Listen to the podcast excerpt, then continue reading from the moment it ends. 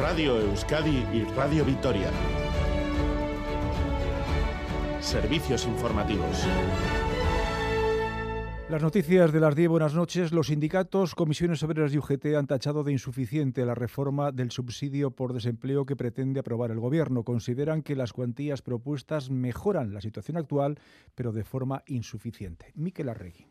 El Ministerio de Yolanda Díaz quiere elevar su cuantía de los 480 actuales hasta los 660, mantener el tiempo de su prestación y ampliar su extensión a más parados. Pero esta propuesta tendrá que ser acordada también con el Ministerio de Economía y Yolanda Díaz denunciaba en la sexta que Nadia Calviño plantea recortar estos subsidios. Por claridad, no vamos a recortar los derechos de los trabajadores y trabajadoras en absoluto y vamos a llegar a un acuerdo en el seno del Gobierno de España. Y pese a las diferencias con Díaz, desde la SER, Pedro Sánchez también se mostraba seguro de llegar a un acuerdo. Tenemos distintas visiones, eh, encontraremos un, un, eh, estoy convencido, un acuerdo, porque además es un compromiso que tenemos con Bruselas. Si finalmente es aceptada, el subsidio por desempleo llegará a 1.200.000 personas, 400.000 más que en la actualidad, a partir de mediados del año que viene.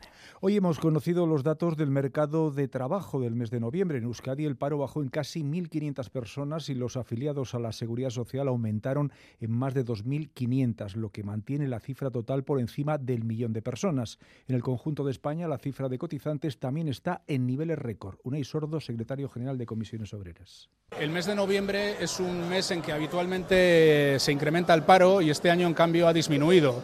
Y esto es una buena noticia. Siempre que baja el paro hay que celebrarlo pero mientras haya tasas de paro por encima del 10% en España tampoco se puede hacer una lectura autocomplaciente.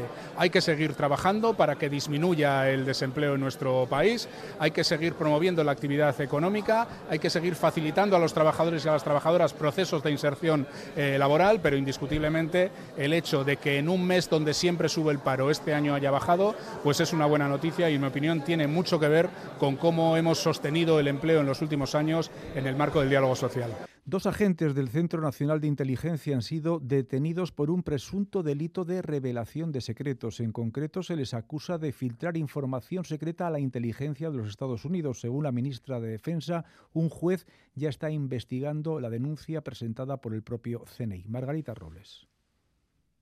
Hay un procedimiento judicial, es un procedimiento judicial de unos hechos que fue el propio Centro Nacional de Inteligencia el que los denunció y ese procedimiento judicial que se inicia a instancia del propio Centro Nacional de Inteligencia es secreto y por tanto no puedo decir nada más.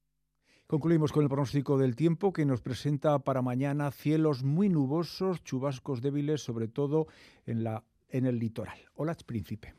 Gabón, mañana durante la mañana el ambiente será todavía húmedo, con chubascos que serán más frecuentes en la mitad norte. A partir del mediodía en el interior la lluvia cesará y cerca de la costa todavía se producirán chubascos durante la tarde, aunque irán a menos. Esperamos ambiente más frío, la cota de nieve se situará entre los 1.200 y los 1.400 metros y las temperaturas diurnas en el interior se quedarán por debajo de los 10 grados. En la mitad norte rondarán los 12 grados. Aquí las noticias de las 10 volveremos a las 11 con más información y en todo momento en itv.com y en la aplicación ITV Albisteac.